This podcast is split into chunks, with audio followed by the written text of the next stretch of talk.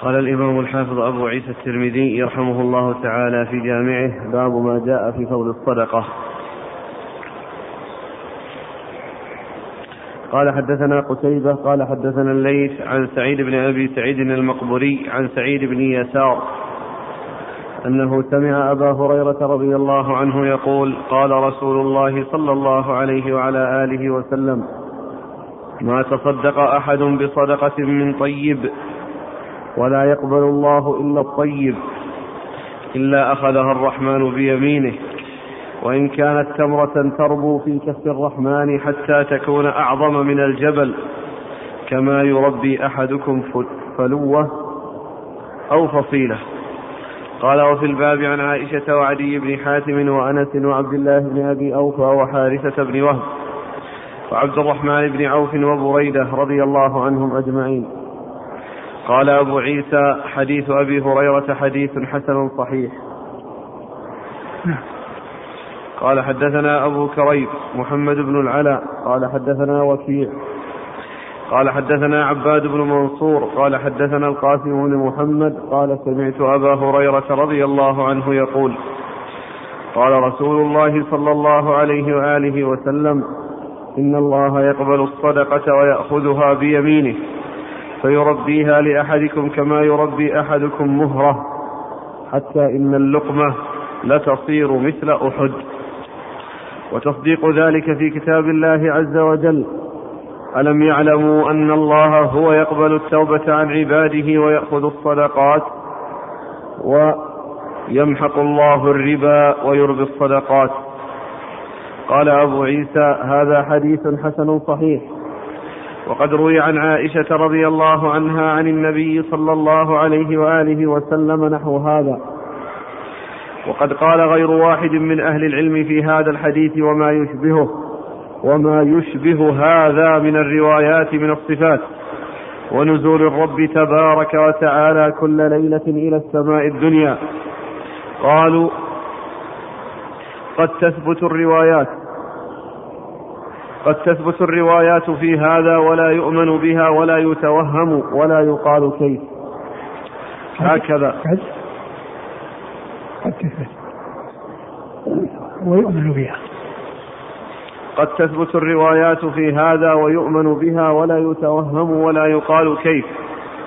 هكذا روي عن مالك وسفيان بن عيينة وعبد الله بن المبارك أنهم قالوا في هذه الأحاديث أمروها بلا كيف. وهكذا قول أهل العلم من أهل السنة والجماعة.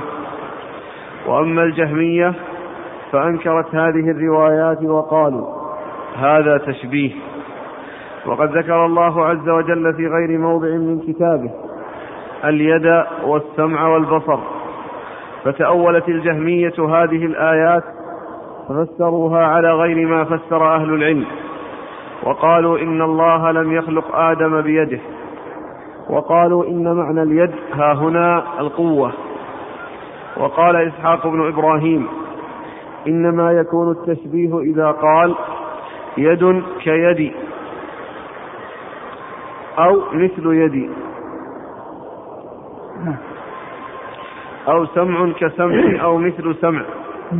فإذا قال سمع كسمع أو مثل سمع فهذا التشبيه. وأما إذا قال كما قال الله تعالى يد وسمع وبصر ولا يقول كيف ولا يقول مثل سمع ولا كسمع فهذا لا يكون تشبيها وهو كما قال الله تعالى في كتابه ليس كمثله شيء وهو السميع البصير. حديث آخر. بسم الله الرحمن الرحيم. الحمد لله رب العالمين وصلى الله وسلم وبارك على عبده ورسوله. نبينا محمد وعلى آله وأصحابه أجمعين. أما بعد فيقول الإمام أبو عيسى الترمذي رحمه الله في جامعه باب في فضل الصدقة. هذه الترجمة معقودة لبيان فضل الصدقة وأنها آه، تعظم عند الله عز وجل وأنها تتضاعف وأن الأجر يكون عليها عظيما عنده سبحانه وتعالى. وقد أورد أبو عيسى حديث أبي هريرة رضي الله عنه أن ما من عبد يتصدق من طيب ولا يقبل الله إلا الطيب يعني من مال حلال. أن الصدقة تكون من مال حلال. و ثم قال ولا يقبل الله إلا الطيب. لأن الله طيب لا يقبل إلا طيبا كما جاء في حديث أبي هريرة الآخر الذي أورده مسلم في صحيحه حيث قال إن الله طيب لا يقبل إلا طيبا.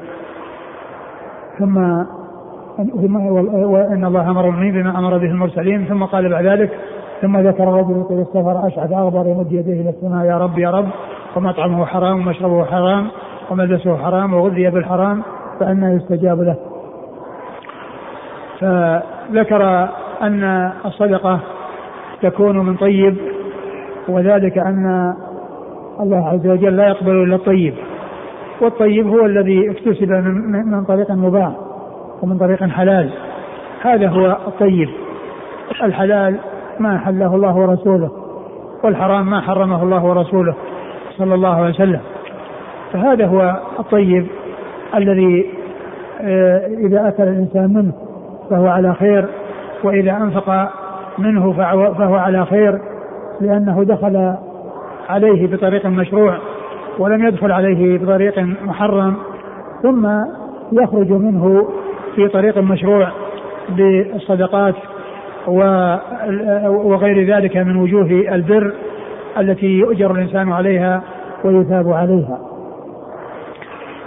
إن الله ما من ما من عبد يتصدق من طيب ولا يقبل الله إلا طيب إلا اخذها الرحمن إلا أخذ الرحمن بيده بيمينه. الا أخذ الرحمن بيمينه. فينميها؟ لا وإن كانت تمرة تربو في كف الرحمن وإن كانت تمرة يعني وإن كانت شيئا قليلا. تمرة واحدة فإنها تربو في كف الرحمن حتى تكون تكون مثل الجبل. يعني مع ذلك أنها تعظم. ويكون آه، شأنها عظيم عند الله عز وجل. ويحصل الأجر على ذلك ولو كان قليلا ولو كان شيئا يسيرا. لكنه عند الله عز وجل عظيم وثوابه من الله سبحانه وتعالى جزيل. وهذا يدلنا على فضل الصدقة وأن الإنسان إذا حصل منه الإحسان ولو كان قليلا فإن أجره عند الله عز وجل عظيم.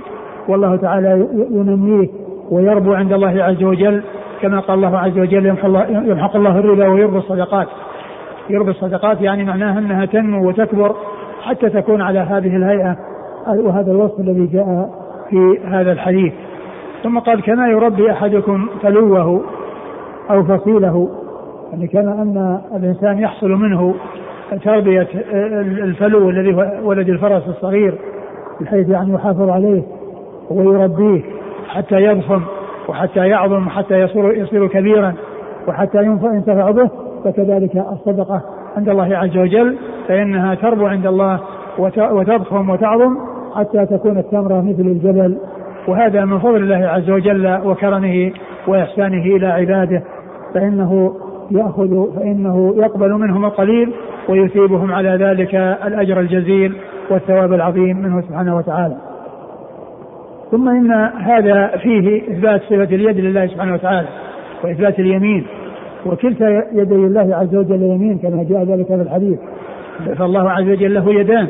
كما قال الله عز وجل ما منعك أن ما منعك أن تسجد لما خلقت بيدي وقال بل يداه مبسوطتان ينفق كيف يشاء وقال آآ آه، آآ آه، آه، وقال في الحديث في الذين المقسطون الذين يعدلون في حكمهم وملوا انهم عن يمين الرحمن عن يمين الرحمن وكلتا يديه يمين وكلتا يديه يمين ففي هذا إثبات صفة اليدين لله عز وجل وإثبات وأنهما حقيقتان وأن الواجب إثبات كل ما أثبته الله لنفسه وأثبته له رسوله صلوات الله وسلامه وبركاته عليه لكن على وجه لا يكون معه تشبيه ولا تمثيل ولا تكييف فهو إثبات ليس إثبات يقابل النفي يقابل النفي والتعطيل.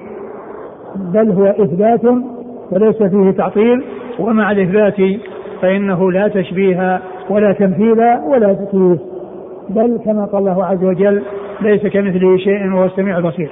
فكل ما أخبر الله به عن نفسه وأخبر عنه رسوله صلوات الله وسلامه وبركاته عليه من صفات الله سبحانه وتعالى فإنه يجب الإيمان بها على ما يليق بالله عز وجل وبكماله وجلاله دون أن أن يفكر أو يتصور أو يتخيل أن يكون آه، آه، لها كيفية يتخيلها الإنسان أو آه، يظن أنها مشبهة لما هو موجود في المخلوقات لأن الله عز وجل يقول ليس كمثله شيء وهو السميع البصير فأثبت السمع والبصر ونفى المشابهة.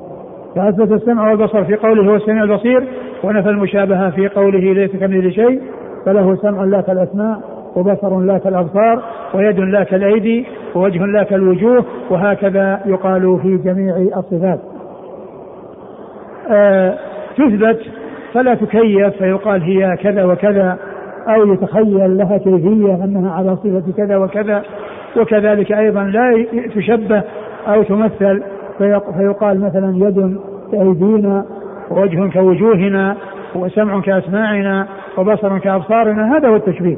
وأما إذا قال له سمع لا كالأسماع وبصر لا كالأبصار ويد لا كالأيدي فإن هذه فإن هذا إثبات لا تشبيه معه. التشبيه فيما إذا قال يد كيد ووجه كوجه وسمع كسمع وبصر كبصر أما أن يقول سمع لا كالأسماع وبصر لا كالأبصار لقول الله عز وجل ليس كمثله شيء وهو السميع البصير فهذا ليس ليس تشبيها. ولكن المعطلة النفاة من الجهمية وغيرهم لا يتصورون إثباتا إلا مع التشبيه لأنهم لا يتصورون إثباتا إلا وفقا لما هو مشاهد معاين بالنسبة للمخلوقات. وهذا وهذا باطل لأن لأن لأن ما يضاف إلى الله عز وجل يليق به وما يضاف إلى المخلوق يليق به فلا يقال إنه لا يتصور الوصف بالصفة لله إلا إذا جعلناها أو آه، علمنا أو اعتقدنا أو تخيلنا أنها وفقا أو أنها مماثلة لما هو موجود في المخلوقين. فإن هذا من الكلام الباطل بل الله عز وجل آه، أثبت السمع والبصر ونفى المشابهة فدل على أن الإثبات شيء وأن التشبيه شيء وأن التنزيه وأن الإثبات مع التنزيه شيء آخر. ولهذا فإن أهل السنة وسط بين المعطلة النفاة وبين المشبهة الذين أثبتوا وشبهوا بل آه بل إنهم آه أثبتوا ونزهوا. أثبتوا ونزهوا. فهم أثبتوا فلم يكونوا معطلة لأن المعطلة غير مثبتة. ومع إثباتهم ليسوا مشبهة بل هم منزهة. أثبتوا لقول الله عز وجل هو السميع البصير ونزهوا لقوله ليس كمثله شيء. ليس كمثله شيء. فجمعوا بين الإثبات والتنزيه. أثبتوا فلم يعطلوا ما كانوا معطلة. ومع إثباتهم ليس مشبهة بل هم منزهة. والدليل على ذلك قول الله عز وجل ليس كمثله شيء وهو السميع البصير. فأثبت سمعا وبصرا ونفى المشابهة فهذه فهذا هو الحكم في جميع الصفات. كلها من باب واحد تثبت على ما يليق بالله سبحانه وتعالى وجلاله آه، دون أن يكون فيها مشابها لخلقه. والذين آه، آه، والجهمية الذين أولوا الصفات ونفوها وعطلوا عن الله عز وجل الصفات البلاء جاءهم من تصور أنه لا إثبات إلا مع تشبيه. لا إثبات إلا مع تشبيه. فصروا من هذا التشبيه فنفوا عن الله الصفات ولكنهم وقعوا في تشبيه أسوأ وهو التشبيه بالمعدومات. لأنهم إذا نفوا عن الله عز وجل أن يكون متصفا بالصفات وأنه ليس بكذا وليس بكذا وليس بكذا النتيجة أنه لا وجود له. أنه لا وجود له لأنه لا يتصور وجود ذات مجردة من جميع الصفات. ولهذا الحافظ بن عبد البر النمري رحمة الله عليه آه، المتوفى سنة 63 و400 وهو إمام أهل المغرب في زمانه ذكر في كتابه التمهيد قال إن إن النفاة المعطلة يصفون المثبتة للصفات بأنهم مشبهة. يصفون المثبتة للصفات بأنهم مشبهة. ثم قال رحمه الله وهم أي المعطلة عند الذين أقروا بالصفات يعتبرون نافين للمعبود. نافين للمعبود لأنه لا وجود للمعبود عندهم الذهبي رحمه الله نقل هذا الكلام في كتابه العلو من التمهيد وعلق عليه بقوله قلت صدق والله. قلت صدق والله فإن الجهمية مثلهم كما قال حماد بن زيد. إن جماعة قالوا في دارنا نخلة. فقيل لهم هل لها خوص؟ قالوا لا. هل لها عصب؟ قالوا لا. هل لها قنو؟ قالوا لا. هل لها ساق؟ قالوا لا. قيل إذا ما في ذلكم نخلة. لأنها إذا كانت جميع صفات النخلة منفية عنها إذا لا وجود لهذه النخلة. فكذلك الذي ينفي عن الله عز وجل الصفات فإن نتيجته ومآل أمره إلى أنه ينفي المعبود ووجود المعبود. ولهذا قال بعض أهل العلم أن المعطل يعبد عدما. يعني لا وجود لمعبوده إن المعطل يعبد عدما والممثل يعبد صنما. والله عز وجل ليس هذا ولا هذا وإنما هو إله حق متصف بجميع الصفات اللائقة بكماله وجلاله الثابتة في كتابه وسنة رسوله صلى الله عليه وسلم من غير أن يكون مشابها لخلقه والأساس الذي يعول عليه ويعتمد عليه هذه الآية الكريمة التي جمعت بين الإثبات والتنزيه وهي قول الله عز وجل ليس كمثله شيء وهو السميع البصير فالجهمية تصوروا أنه لا إثبات إلا مع تشبيه ففروا ونفوا الصفات وآل أمرهم إلى أن يشبهوا الله بالمعدومات ففروا من تشبيه سيء تصوروه وتخيلوه ووقعوا في تشبيه أسوأ منه وهو التشبيه بالمعدومات.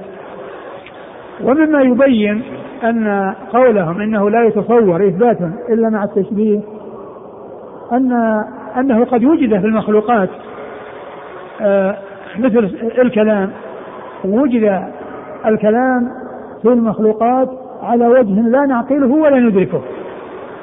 ولم يكن وفقا لما هو موجود فينا. لأنهم قالوا لو أثبتنا أن الله يتكلم بكلام يسمع لازم أن يكون له لسان وشفتين ولهات ومخارج حروف يعني فيكون مشبها لخلق الله سبحانه وتعالى.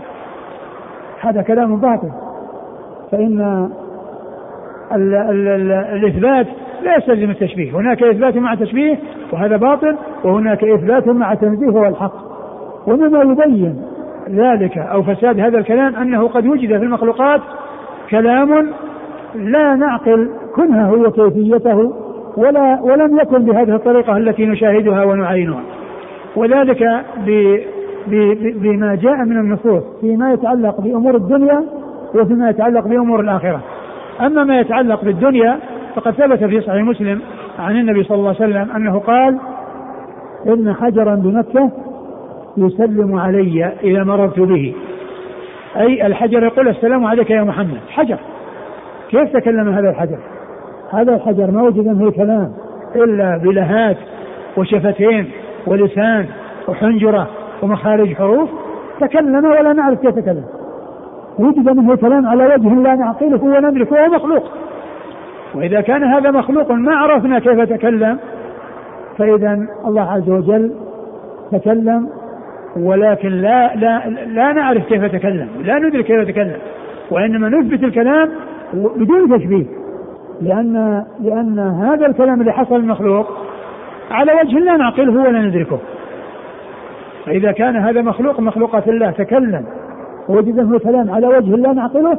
إذا الله عز وجل وهو الذي يتكلم كيف يشاء آه كلامه يليق به ولا يقال إنه لا يتصور إلا مع التشبيه فإن هذا آه هذا مخلوق من مخلوقات الله وجد منه الكلام على وجه لا نعقله ولا ندركه هذا فيما يتعلق بالدنيا. وكذلك الذراع التي أكل منها الرسول صلى الله عليه وسلم وكانت مسمومة. فنطقت الذراع وتكلمت الذراع وأخبرت بأنها مسمومة. فترك الرسول صلى الله عليه وسلم الأكل. كيف تكلم الذراع؟ هذه القطعة من اللحم التي تؤكل. الله تعالى أنطقها. لكن لا يلزم كما يقولون أنه لا يتصور كلام إلا باللسان وحنجرة وشفتين ومخارج حروف. هذا في الدنيا. أما في الآخرة فقد جاء في القرآن أن الله تعالى يختم على على الأفواه وتتكلم الأيدي والأرجل والجلود بما كان يعمل الإنسان. كيف تكلمت الأرجل والأيدي والجلود؟ هل كلامها لا لا يحصل إلا بلسان وشفتين ومخارج حروف؟ الله تعالى قال عنها قال قد أنطقنا الله الذي أنطق كل شيء. أنطقنا الله الذي أنطق كل شيء.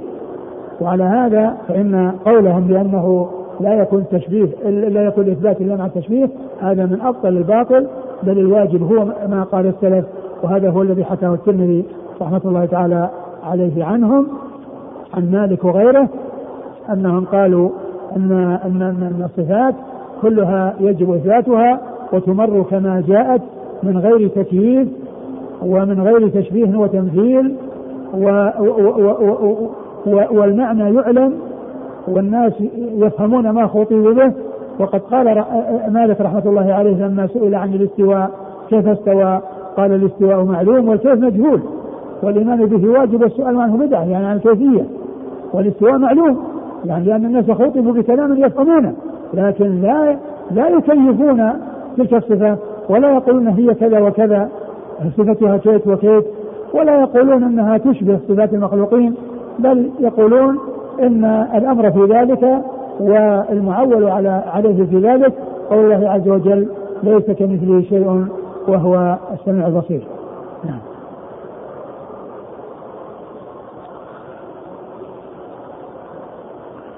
قال رحمه الله تعالى حدثنا قتيبة قتيبة بن سعيد بن جميل بن طريف البغلاني ثقة أخرجه أصحاب كتب الستة. عن الليث عن الليث بن سعد المصري ثقة فقيه أخرجه أصحاب كتب الستة. عن سعيد بن أبي سعيد سعيد بن أبي سعيد المقبري ثقة أخرجه أصحاب كتب الستة. عن سعيد بن يسار سعيد بن يسار ثقة أخرجه أصحاب كتب الستة. عن أبي هريرة عن أبي هريرة عبد الرحمن بن صخر الدوسي رضي الله عنه أكثر أصحاب رسول الله صلى الله عليه وسلم حديثا. قال وفي الباب عن عائشة عائشة أم المؤمنين الصديقة بنت الصديق وهي واحدة من سبعة أشخاص عرفوا بكثرة الحديث عن النبي صلى الله عليه وسلم. وعدي بن حاتم وعدي بن حاتم أخرج حديثه أصحاب الكتب الستة. وأنس وأنس بن مالك خادم رسول الله عليه الصلاة والسلام وأحد السبعة المكثرين من رواية حديثه صلى الله عليه وسلم. وعبد الله بن أبي أوفى وعبد الله بن أبي أوفى أخرج حديثه أصحاب الكتب الستة.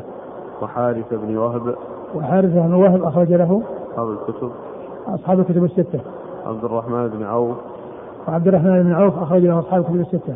وبريدة وبرده بن الحصيب الأسلمي أخرج له أصحاب الكتب الستة. قال أبو عيسى حديث أبي هريرة حديث حسن صحيح نعم. قال حدثنا أبو كريب محمد بن العلاء أبو كريب محمد بن العلاء بن كريب ثقة أخرجه أصحاب الكتب الستة. عن وكيع وكيع بن الجراح الرؤاسي الكوفي ثقة أخرجه أصحاب الكتب الستة. عن عباد بن منصور عباد بن منصور هو صدوق والبخاري تعليقا وأصحاب السنن البخاري تعليقا وأصحاب السنن.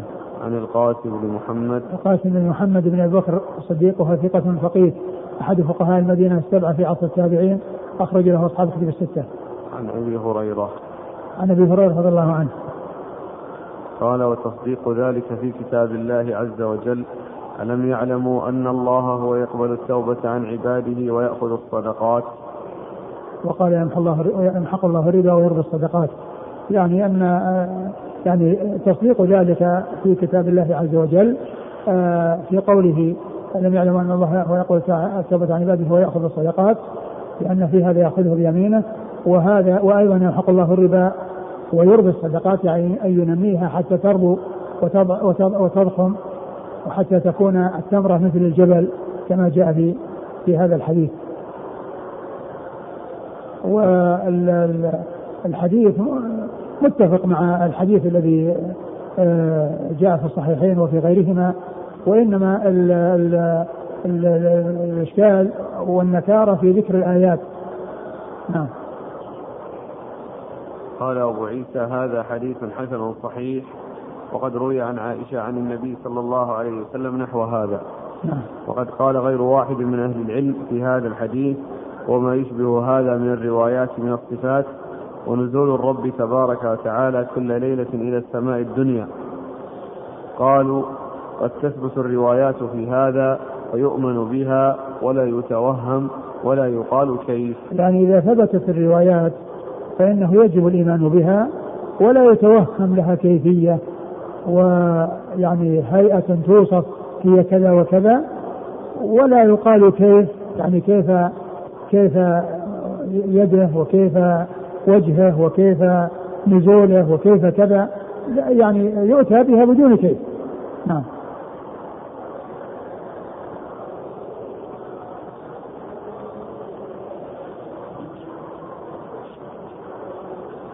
هكذا روي عن مالك وسفيان بن عيينة وعبد الله بن مبارك. مالك بن أنس إمام دار الهجرة المحدث الفقيه أحد أصحاب المذاهب الأربعة المشهورة من مذاهب السنة حديثه أخرجه أصحاب الكتب الستة. وعبد الله بن مبارك المروزي ثقة أخرجه أصحاب الكتب الستة و سفيان بن عيينة. وسفيان بن عيينة المكي ثقة أخرجه أصحاب الكتب الستة. قالوا في هذه الأحاديث أمروها بلا كيف. أمروها يعني مع إثبات معناها وليس بتفويض معناها وأنه لا يعلم معناها. هذا كلام غير صحيح. لأن الناس خوطبوا بكلام يفهمون معناه ولكن لا يدركون كيفية ولا يبحثون عنها. ولهذا لا يقال من مذهب السلف التفويض بالمعنى وإنما هو التفويض بالكيف فقط. وأما المعنى فإنه معلوم كما قال ذلك مالك بن أنس. الاستواء معلوم يعني معنى الاستواء معناه على وارتفع. وأما كيف استوى هذا هو الذي لا يجوز السؤال عنه ولا يفكر فيه لأن هذا لا يجب التفويض فيه. وأما المعنى فلا يفوض فيه لأن الناس خطبوا بكلام يفهمون, يفهمون معناه. لا يقال أنه كلام لا يفهم وأنه غير معقول المعنى بل المعنى معروف ومفهوم ولكن الكيفية التي تكون عليها الصفة في نفس الأمر هذه هي التي لا ليست للناس وليس لأحد أن يبحث عنها. كما أنكر مالك رحمة الله عليه من سأل عن سأل عن كيف استوى وغضب وقال الاستواء معلوم والكيف مجهول. الاستواء معلوم لأن الناس يخوضوا بكلام يفهمون معناه. والكيف مجهول يعني لا ندرك الكيف وأنه كذا وكذا وعلى صفة كذا وكذا. فأمروها كما جاءت يعني مع إثبات معناها ونفي كيفيتها ولكن لا يقال إن مذهب السلف التفويض. ومن زعم أن مذهب السلف التفويض فقد ارتكب ثلاثة محاذير. المحذور الأول أنه جاهل بمذهب السلف. جاهل. لا يعرف معنى مذهب السلف. والثاني أنه مجهل لهم. يعني ناسبهم ناسب لهم إلى الجهل. وأنهم خطب بكلام لا يفهمونه.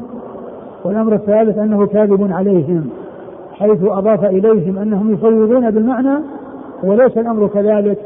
بل هم يثبتون المعنى ولا يفوضون فيه كما قال الإمام مالك الإستواء معلوم. ما قال الاستواء مجهول وإنما قال الاستواء معلوم والكيف مجهول.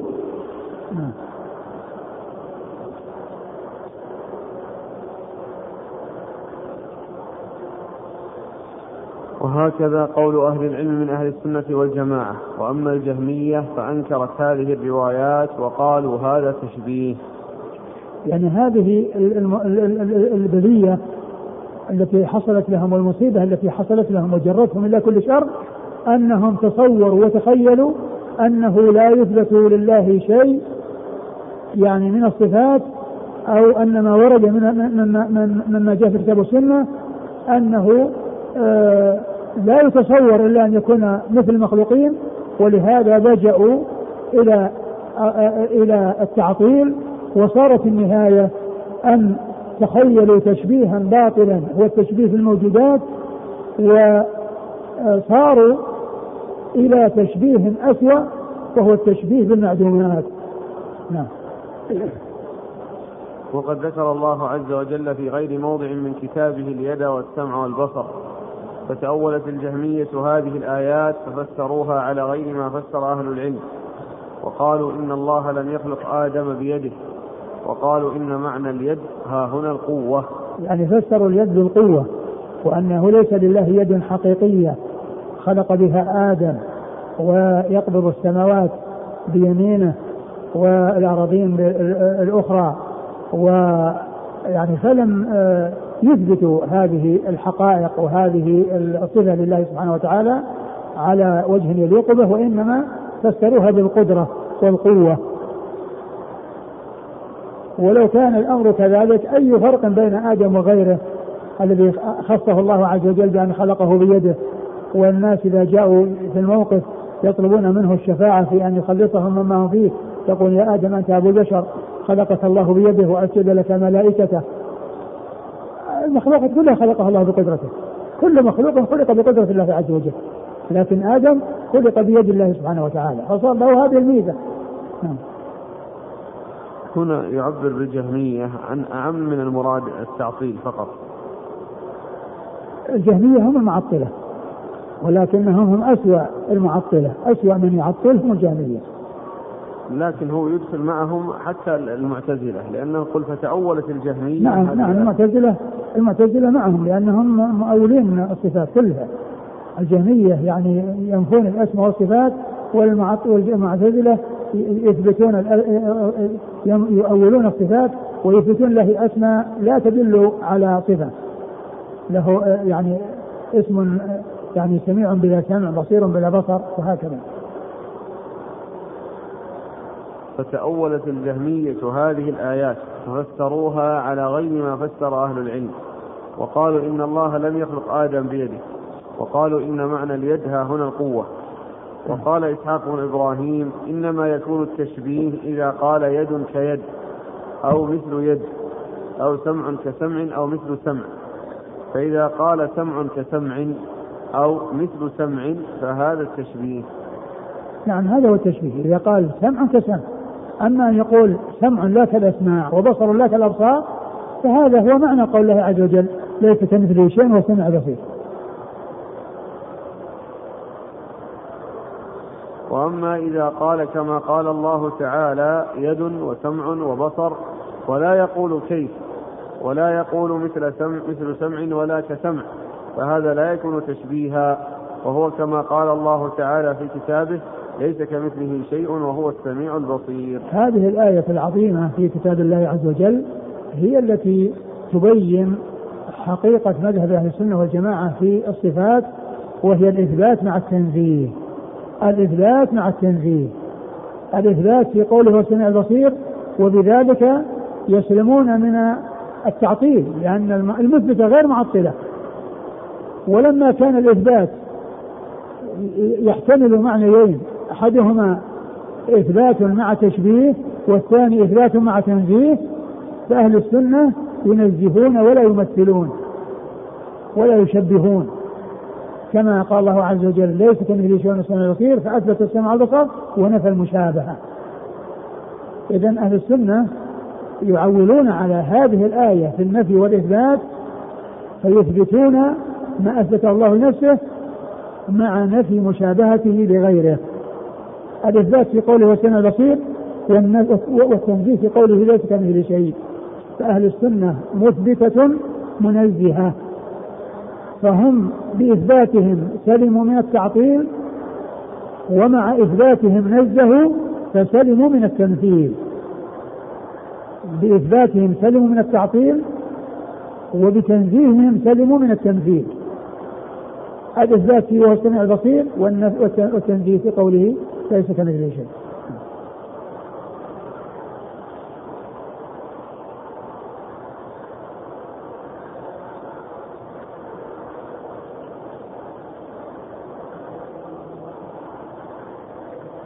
يقول السائل في الحديث كما يربي أحدكم فلوه أو فصيلة.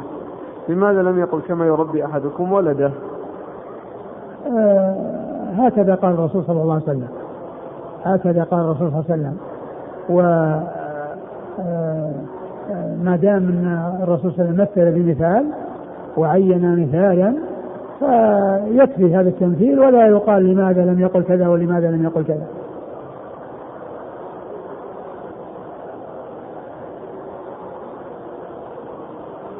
يقول هل يسمى الله عز وجل بالطيب أو يوصف به؟ بناء على ما ورد نعم هذا من أسماء الله. من أسماء الله الطيب ومن صفاته الطيب.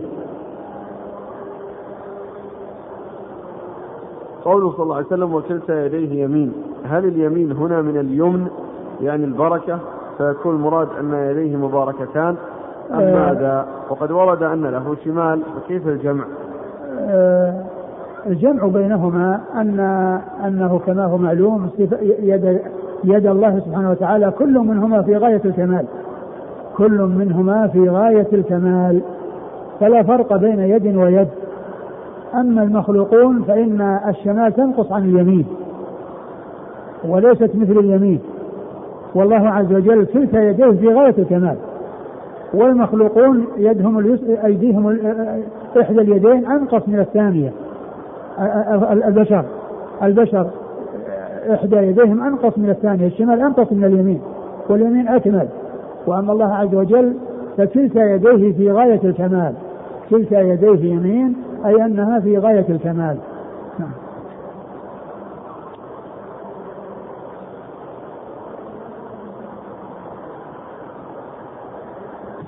قوله تربو في كف الرحمن. هل هنا في بمعنى الظرفية كما هو معلوم بالنسبة للمخلوقات آه كلها في قبضة الله سبحانه وتعالى. كلها في قبضة الله سبحانه وتعالى. كلها من أولها إلى آخرها كلها في القبضة. آه السماوات والأرضين ومن فيهن كلها في قبضة الله سبحانه وتعالى. ومعلوم أن الإنسان عندما يربي فلوه ويعني كذا ليس معنى ذلك أنه وضعه بيده وأنه واقع في يده.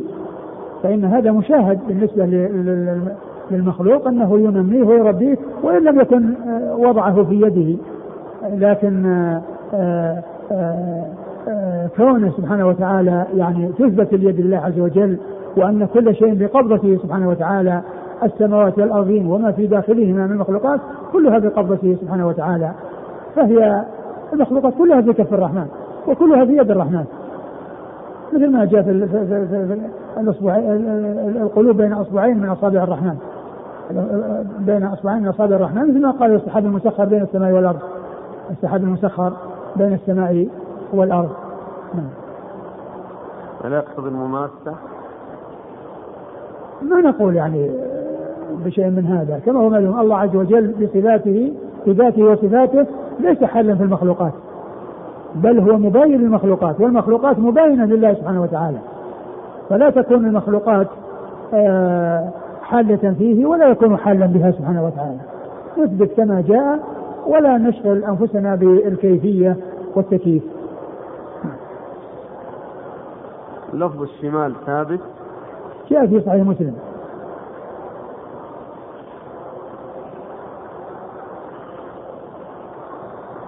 قال رحمه الله تعالى حدثنا محمد بن إسماعيل قال حدثنا موسى بن إسماعيل قال حدثنا صدقة بن موسى عن ثابت عن أنس رضي الله عنه أنه قال سئل النبي صلى الله عليه وآله وسلم اي الصوم أفضل بعد رمضان؟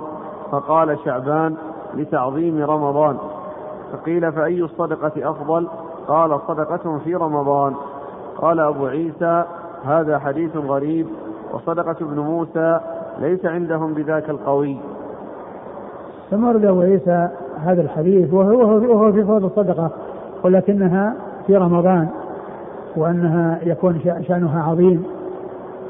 ولا شك أن رمضان موسم يعني زمان مقدس وزمان مفضل ولا شك أن الأعمال يعني فيه عظيمة لكن آه، لا يقال بتفضيل شيء أو بيان آه، آه، مقادير. فضل أو ما إلى ذلك إلا بدليل. فلا شك أن الزمان المقدس يعني العمل فيه عظيم كما أن كما أن المكان المقدس العمل فيه عظيم. وقد أورد أبو عيسى حديث حديث أنس. رضي الله عنه أن النبي صلى الله عليه وسلم قال سئل أي سئل الصوم أفضل بعد رمضان؟ أي الصوم أفضل بعد رمضان؟ قال شعبان. شعبان لتعظيم رمضان. صيام شهر رمضان شعبان لتعظيم رمضان لأنه متصل به ولأن الإنسان إذا صام فيه أي في شعبان يعني يكون روض نفسه وهيأ نفسه وأعد نفسه لصيام لصيام رمضان. لكن قد جاء في الحديث الصحيح هذا الحديث فيه ضعف ولكن الصحيح الذي ثبت عن رسول الله عليه الصلاة والسلام أنه قال خير الصيام بعد رمضان صيام شهر الله المحرم. وخير آه، آه، آه، الصلاة. يعني بعد الفريضة قيام الليل. هكذا ثبت عن رسول الله صلى الله عليه وسلم. وهو يخالف ما جاء في هذا الحديث. ويدل على أن شهر المحرم الصيام فيه أفضل الشهور. وأنه أفضل شهر يصام فيه بعد بعد صيام بعد صيام شهر رمضان. فالاسناد يعني فيه ضعف ومع ذلك فيه مخالفة للحديث الثابت عن الرسول صلى الله عليه وسلم وهو تفضيل آه، شهر آه، صيام شهر المحرم بعد صيام رمضان.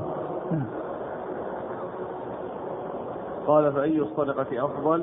قال صدقة في رمضان قال أي صدقة أفضل؟ قال صدقة في رمضان نعم قال حدثنا محمد بن إسماعيل محمد بن إسماعيل هو البخاري وهو من رجال الترمذي والنسائي عن موسى بن إسماعيل. موسى بن إسماعيل التبوذكي ثقة أخرجه أصحاب الكتب الستة.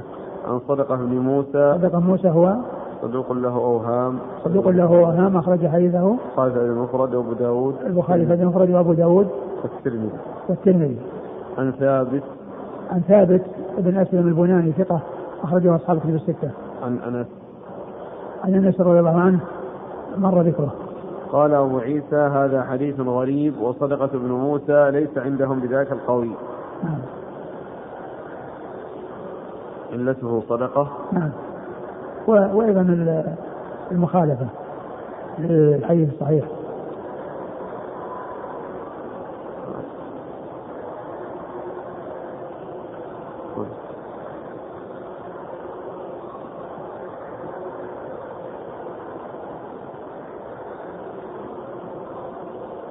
قال حدثنا عقبة بن مكرم العمي البصري.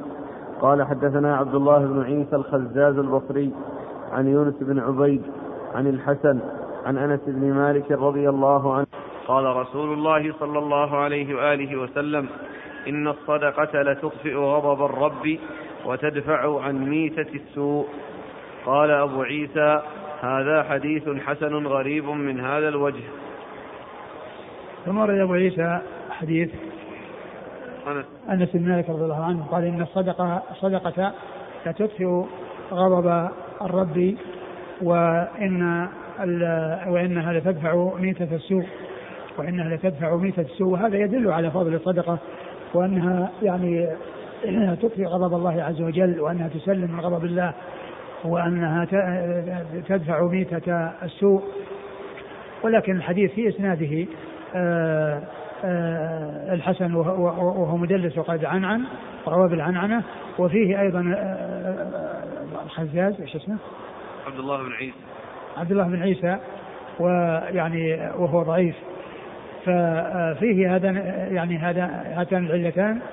ولكن الجملة الأولى ذكر الشيخ ناصر أنها يعني جاءت من طرق ولها شواهد وأنها يعني تصح أو, أو, أو, أو أنها تثبت بخلاف الجملة الثانية نعم قال حدثنا عقبة بن مكرم العمي البصري عقبة بن مكرم إيش قال فيه؟ ثقة أخرجه مسلم وأبو داود والترمذي وابن ماجه. ثقة أخرجه مسلم وأبو داود والترمذي وابن ماجه. عن عبد الله بن عيسى الخزاز البصري. وهو ضعيف أخرج له. البخاري في القراءة والترمذي. البخاري في جزء القراءة والترمذي. عن يونس بن عبيد. يونس بن عبيد ثقة أخرجه أصحاب كتب الستة. عن الحسن. الحسن بن أبي الحسن البصري ثقة أخرجه أصحاب كتب الستة. عن أنس. عن أنس رضي الله عنه وقد مر ذكره. قال أبو عيسى هذا حديث حسن غريب من هذا الوجه. عقبة بن مكرم البصري عبد الله بن عيسى الخزاز البصري يونس بن عبيد البصري الحسن البصري عن كلهم أنس. كلهم بصريون حتى أنس. ومسلسل بالبصريين. قال رحمه الله تعالى باب ما جاء في حق حق السائل. قال حدثنا قتيبة قال حدثنا الليث بن سعد عن سعيد بن أبي سعيد عن عبد الرحمن بن بجيد عن جدته أم بجيد رضي الله عنها وكانت ممن بايع رسول الله صلى الله عليه وآله وسلم أنها قالت يا رسول الله إن المسكين ليقوم على بابي فما أجد له شيئا أعطيه. فما أجد, فما أجد له شيئا أعطيه إياه. فقال لها رسول الله صلى الله عليه وسلم إن لم تجدي شيئا تعطينه إياه إلا ظلفا محرقا فادفعيه إليه في يده. قال وفي الباب عن علي وحسين بن علي وأبي هريرة وأبي أمامة رضي الله عنهم. قال أبو عيسى حديث أم بجيد حديث حسن صحيح. ثم ورد أبو عيسى هذه الترجمة وهي باب حق السائل. نعم. باب حق السائل.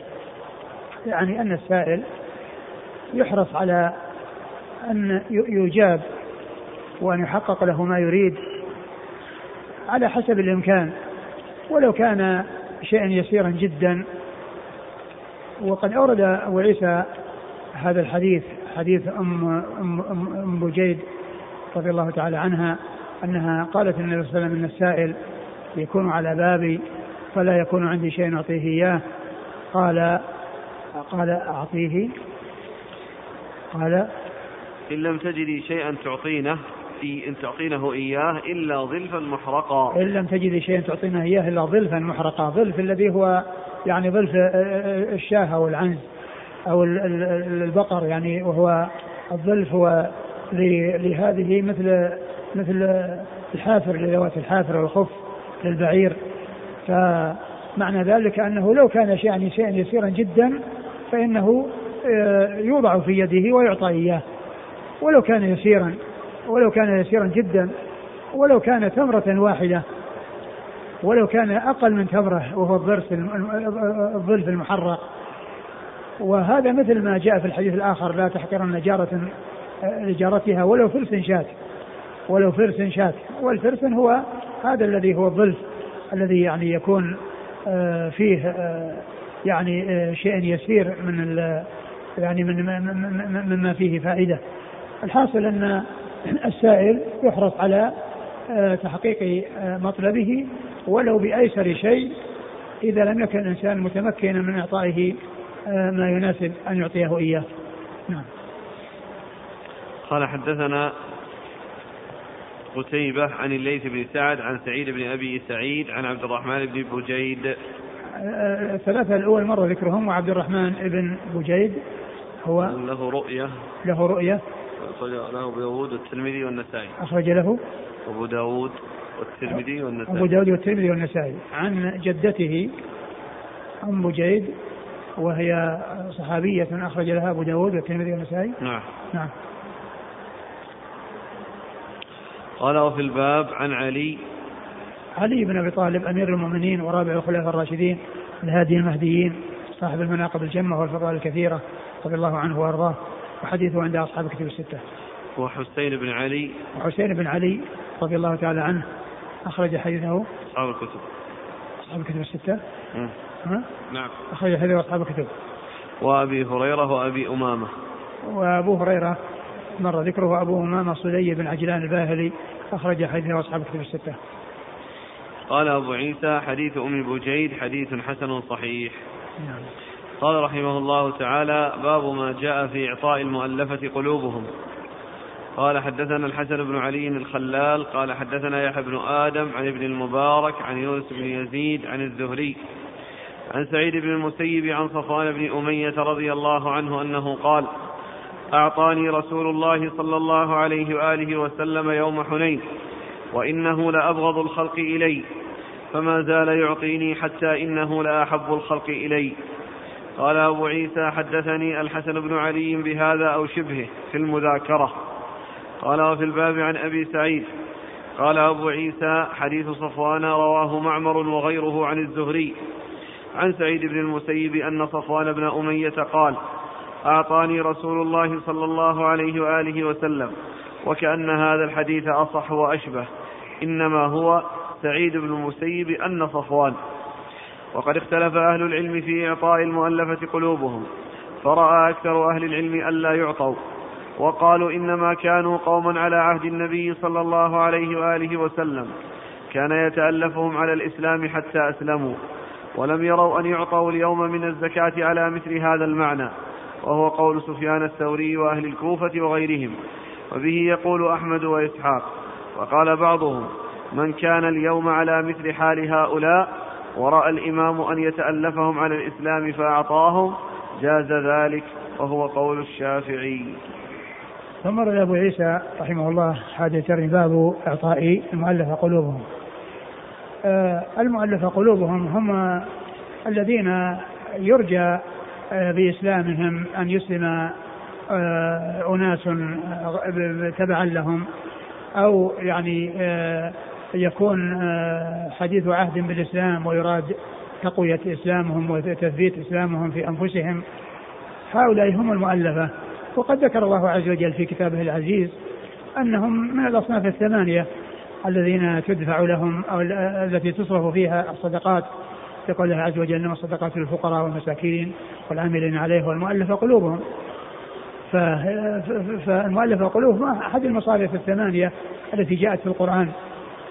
وقد أورد أبو عيسى حديث صفوان آه، صفوان ابن أمية ابن أمية رضي الله عنه أن أنه كان قال إن أنه يوم حنين أعطاه وإنه كان من أبغض الناس إليه ثم إنه لم يزل يعطيه حتى كان نعم. أحب الناس إليه. وقد جاء في الحديث عن أنس رضي الله عنه أنه أن الواحد كان يسلم تصله الدنيا ثم لا يعني يمسي أو لا يأتي وقت قريب قصير إلا والإسلام والدين أحب إليه من الدنيا وما فيها. أحب إليه من الدنيا وما فيها. فكان عليه الصلاة والسلام يتألف آه، آه، على الإسلام بأن يثبت الإيمان والإسلام في قلوب الداخلين فيه الحدث عهد بالكفر؟ وكذلك أيضا آه، إعطى الكافر إذا كان سيترتب على إسلامه إسلام من يتبعه ويكون في ذلك الخير آه، للإسلام والمسلمين ف فإن هذا مما يدخل تحت المؤلفة قلوبهم. وقد اختلف أهل العلم هل يعني هذا الحكم باقي وأنه مستمر أو أنه كان في زمنه صلى الله عليه وسلم فكثير من أهل العلم آه، ذهبوا إلى هذا وأنه لا تصرف الزكاة لشيء من التأليف بعده صلى الله عليه وسلم. والقول الثاني أنها من كان آه، مثل أولئك وأنه يحتاج إلى أن يعطى كما أعطي أولئك فإنه يعطى. ولا شك أن هذا هو الأولى وهو الأقرب أنه إذا رأى الإمام مصلحة في إعطاء أحد في تثبيت إسلامه أو لدخوله في الإسلام فإن ذلك سائغ ولا مانع منه ولم يأتي يعني شيء يعني يدل على أن هذا خاص في زمنه وأنه لا يجوز فعله بعد ذلك نعم قال حدثنا الحسن بن علي الخلال الحسن بن علي الخلال الحلواني ثقة أخرجه أصحاب كتب الستة إلى النسائي. عن يحيى بن آدم يحيى بن آدم الكوفي ثقة أخرجه أصحاب كتب الستة. عن ابن المبارك عن يونس بن يزيد. عبد الله المبارك ثقة أخرجه أصحاب كتب الستة ويونس بن يزيد الأيلي ثقة أخرجه أصحاب كتب الستة. عن الزهري. الزهري محمد بن مسلم بن عبيد الله بن شهاب الزهري ثقة أخرجه أصحاب أصحاب كتب الستة. عن سعيد بن المسيب. عن سعيد بن المسيب وهو ثقة فقيه أحد فقهاء المدينة السبعة في عصر التابعين أخرجه أصحاب الكتب الستة. عن صفوان بن أمية أخرج له حديثه. البخاري تعليقا ومسلم وأصحاب السنة. البخاري تعليقا ومسلم وأصحاب السنة. قال أبو عيسى حدثني الحسن بن علي بهذا أو شبهه في المذاكرة. يعني كأن الترمذي رحمه الله لم يكن يعني جازما بروايته أو بهذا الذي أخذه عنه وقال إنه حدثني بهذا أو بشبهه. يعني معناه أن كأنه ما أتقن اللفظ. وقال في المذاكرة يعني المقصود بالمذاكرة يعني يكون المحدث مع المحدث يتذاكرون أشياء ليس على سبيل التحديث والإلقاء وأن هذا يحدث هذا وهذا يأخذ عن هذا وإنما هو على سبيل المذاكرة. يعني آه، التباحث في شيء والتذاكر في شيء فيخبر آه، في هذه الحال بشيء عنده. ليس آه، المقام مقام تحديث كما يحصل من التلميذ يعني يأخذ عن الشيخ والشيخ يحدثه ويلقي عليه من أجل أن يتحمل والتلميذ يأخذ عنه. المذاكرة شيء آخر غير هذا. المذاكرة غير الجلوس للأخذ أو للتحديث وإنما في المذاكرة وال كون آه، آه، هذا يخبر ما عنده وهذا يخبر ما عنده. هذه المذاكرة. نعم. قال وفي الباب عن أبي سعيد. أبو سعيد الخدري رضي الله عنه آه، سعد بن مالك بن سنان أحد المكثرين من رواية حديث رسول الله صلى الله عليه وسلم. قال أبو عيسى حديث صفوان رواه معمر. معمر بن راشد الأزدي البصري ثم اليماني ثقة أخرجه أصحاب كتب الستة.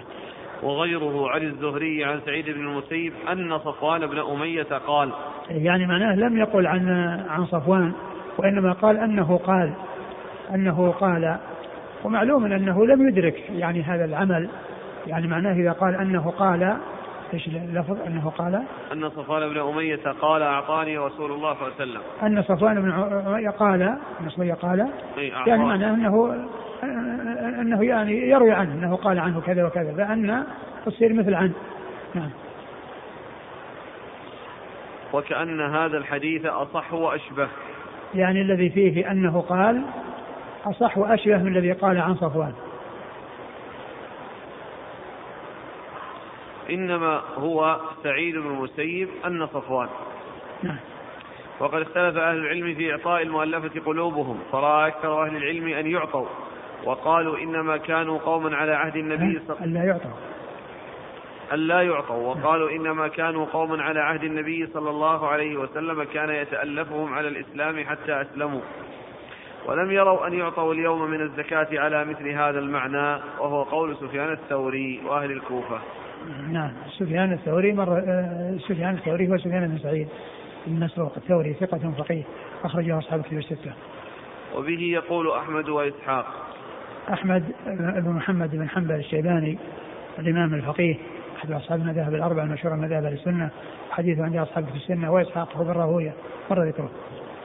وقال بعضهم من كان اليوم على مثل حال هؤلاء ورأى الإمام أن أن يتألفهم على الإسلام فأعطاهم جاز ذلك وهو قول الشافعي. الشافعي هو محمد بن إدريس الشافعي أحد اصحاب المذاهب الأربعة المشهوره من مذاهب أهل السنة وحديث أخرجه البخاري تعليقا وأصحاب السنة.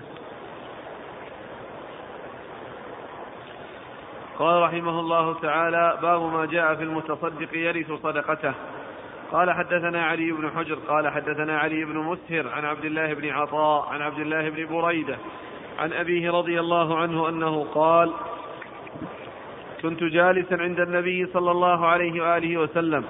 إذ أتته امرأة فقالت يا رسول الله إني كنت تصدقت على أمي بجارية وأنها ماتت. قال وجب أجرك وردها عليك الميراث. قالت يا رسول الله إنها كان عليها صوم شهر أفأصوم عنها؟ قال صومي عنها. قالت يا رسول الله إنها لم تحج لم تحج قط. أفأحج عنها؟ قال نعم حجي عنها. قال أبو عيسى هذا حديث حسن صحيح لا يعرف هذا إلا من حديث بريدة إلا من هذا الوجه. وعبد الله بن عطاء ثقة عند أهل الحديث والعمل على هذا عند أكثر أهل العلم أن الرجل إذا تصدق بصدقة ثم ورثها حلت له. وقال بعضهم إنما الصدقة شيء جعلها لله فإذا ورثها فيجب أن يصرفها في مثله. وروى سفيان الثوري وزهير وزهير هذا الحديث عن عبد الله بن عطاء. إيش الترجمة؟ ما جاء في المتصدق يرث صدقته. آه ثم ورد أبو عيسى هذه الترجمة باب في المتصدق يرث صدقته. آه المقصود من هذه الترجمة أن الإنسان عندما يتصدق بصدقة على شخص هو من أقاربه ثم يموت ذلك الشخص ويرثه فترجع عليه صدقته فإن رجوعها إليه سائغ وأنه يأخذها ولو كانت خرجت منه عن طريق الصدقة لأنها رجعت إليه عن طريق الميراث. ومعلوم أن الميراث هو انتقال المال آه، من غير اختيار لأحد. وإنما بموت الإنسان ينتقل ماله إلى ورثته بفضل الله عز وجل ذلك. أورد أبو عيسى حديث بريدة بن الحصيب الأسلمي رضي الله عنه. أنه كان عند النبي صلى الله عليه وسلم فجاءت امرأة وقالت يا رسول الله إني تصدقت على أمي بجارية وإنها ماتت. وكأنها تسأل عن يعني عن هذه الجارية يعني كيف يكون آه، شأنها وميراثها. فقال قد وجب أجرك على الله وردها عليك الميراث. يعني أنك أنت تصدقت وحصل لك الأجر بوجود الصدقة بحصول الصدقة منك ولكن آه ورجعت إليك عن طريق الميراث لأنك أنت التي ترثينها. فرجعت إليك عن طريق الميراث. فهذا يدل على أن الصدقة إذا خرجت الإنسان إلى أحد أقربائه ثم مات وذلك وهو وارث لذلك القريب فإن المال الذي خرج منه عن طريق الصدقة يجوز أن يرجع إليه عن طريق الإرث ولا مانع من ذلك ولا بأس. وهذا هو الذي قاله أكثر أهل العلم. وبعض أهل العلم قال إن إنه آه، يخرجه في مثله. يعني إذا إذا إذا رجع إليه عن طريق الميراث فإنه يخرجه في مثله. والأصل آه، عدم اللزوم وعدم الوجوب أنه يخرج في مثله. فهذا يرجع إليه إن أراد أن يخرجه فعل وإن أراد أن يبقيه كما كان آه، يعني يرجع إلى ملكه ويتصرف فيه كيف شاء فله ذلك. قالت عليها صوم شهر أفأصوم ثم قالت عليها صوم شهر أفأصوم عنها قال نعم صومي. وهذا يدل على أن أنه يجوز الصيام عن الميت. وسواء كان هذا الصوم يعني صوما آه، واجب لله عز وجل أو أوجبه الإنسان على نفسه أو ترتب على نفسه. يعني آه، بأن يكون مثلا صيام رمضان وكان متمكنا من الصيام بأنه كان مثلا كان مريضا. ثم شفي ولم يقضي فإنه يقضى عنه.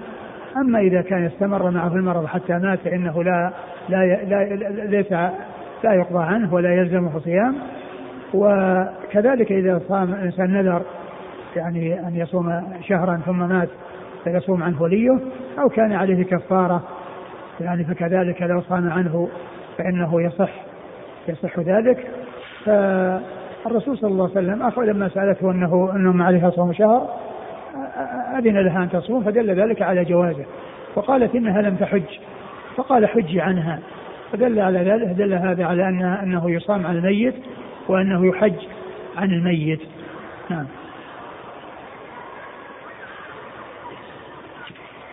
قال حدثنا علي بن حجر. علي بن حجر بن ياس السعدي ثقة أخرجه البخاري ومسلم والترمذي والنسائي. عن علي بن مسهر علي بن مسهر ثقة أخرجه أصحاب كتب الستة. عن عبد الله بن عطاء عن عبد الله بن عطاء هو صدوق يخطئ صدوق يخطئ أخرج له مسلم وأصحاب السنن مسلم وأصحاب السنن. عبد الله بن بريدة عن عبد الله بن بريدة وهو ثقة أخرجه أصحاب الكتب الستة.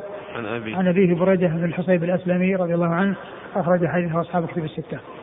قال أبو عيسى هذا حديث حسن صحيح لا يعرف هذا من حديث بريدة إلا من هذا الوجه. وعبد الله بن عطاء ثقة عند أهل الحديث. والعمل على هذا عند أكثر أهل العلم أن الرجل إذا تصدق بصدقة ثم ورثها حلت له. وقال بعضهم إنما الصدقة شيء جعلها لله فإذا ورثها فيجب أن يصرفها في مثله. وروي وروى سفيان الثوري وزهير هذا الحديث عن عبد الله بن عطاء. آه، زهير هو ابن ابن معاوية. معاوية. أخرج ثقة أخرج له أصحاب الكتب. أصحاب الكتب الستة. قال رحمه الله تعالى باب ما جاء في كراهية العود في الصدقة. والله تعالى أعلم وصلى الله وسلم وبارك على عبده ورسوله نبينا محمد وعلى آله وأصحابه أجمعين. جزاكم الله خيرا وبارك الله فيكم ونفعنا الله ما قلت.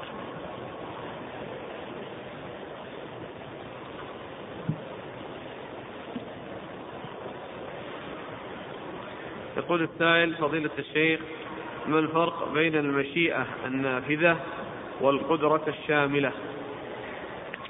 المشيئة غير القدرة وكل منهما من صفات الله عز وجل.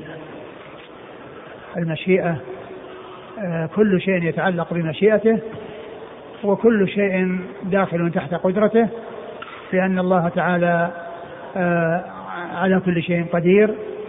وهو سبحانه وتعالى ما شاء كان وما لم يشأ لم يكن فكل شيء شاءه الله لا بد من وجوده وكل شيء لم يشأه فإنه لا سبيل إلى وجوده. كما قال الرسول صلى الله عليه وسلم واعلم أن ما أصابك لم يكن ليخطئك وما أخطأك لم يكن ليصيبك.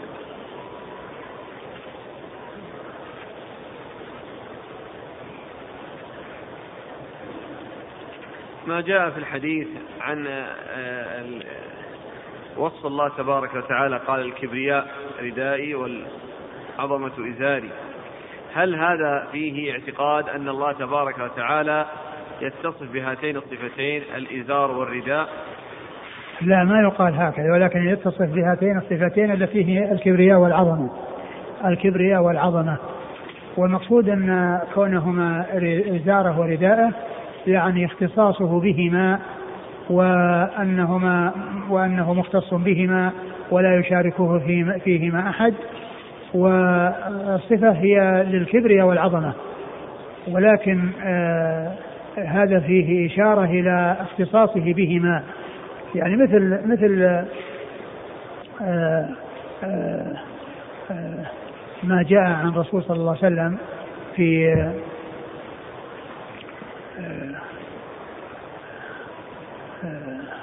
ذكر الشعار والدثار وأن النبي صلى الله عليه وسلم قال الأنصار شعار والناس دثار. الأنصار شعار والناس دثار. يعني معناه الشعار هو المتصل بالجسد والدثار هو الذي وراءه. وهذا إشارة إلى قربهم منه.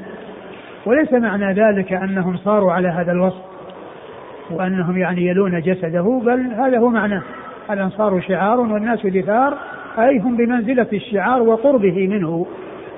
وهذا هو المقصود بالإزار والرداء وليس معنى ذلك أن الله يوصف بأنه آه، متصف بهذا وبهذا بل هو متصف بالعظمة والكبرياء وأنه مختص بهما كما يحصل اختصاص صاحب الإزار بالإزار وصاحب الرداء بالرداء. يقول ما الفرق بين التمثيل والتكييف؟ التكييف هو أن يتكلف بيان كيفية بأن يقول هو كذا وكذا وكذا. والتمثيل يقول آه، يد كيد. يد كيد ووجه كوجه وسمع كسمع وبصر كبصر. هذا هو التمثيل. وأما التكييف يقول هو كذا وكذا. يعني يأتي بصفة يتخيلها ويتكلم بها وأنها كذا وكذا وكل ذلك غير جائز لا التكييف ولا التمثيل. فلا يقال عن صفات الله عز وجل أن صفتها كذا وكذا يعني من ناحية بيان كيفيتها ولا يقال إنها تشبه كذا وكذا. هل ثبت عن الإمام مالك رحمه الله أنه كان يكره أن تقرأ نصوص الصفات على العامة؟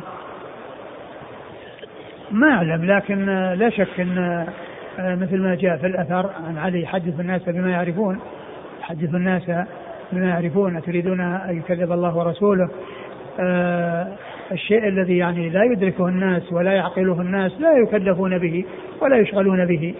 ومعلوم أن أن العوام عندهم أحسن مما عند المثقفين الثقافات التي هي مخالفة لما كان عليه أهل السنة والجماعة لأن لأنهم على الفطرة. وأما الذين تعلموا المذاهب المخالفة لما كان عليه السنة والجماعة فهم خرجوا عن الفطرة.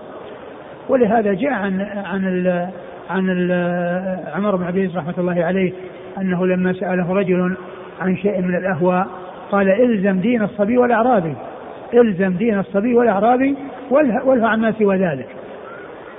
يعني الصبي والأعرابي على الفطرة. ولهذا الجارية التي سأل النبي اين الله فأشارت إلى السماء بفطرتها.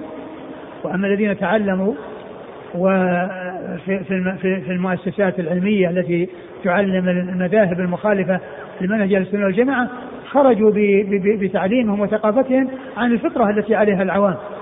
ولهذا ذكر الحافظ بن حجر في في في لسان الميزان في ترجمة الرازي أنه نقل عن بعض أهل العلم وكان مع تبحره في علم الكلام يقول الفائز من كان على عقيدة العجائز. الفائز من كان على عقيدة العجائز لأن عقيدتهم عقيدة الفطرة. جزاكم الله خيرا وبارك الله فيكم ونفعنا الله ما قلت.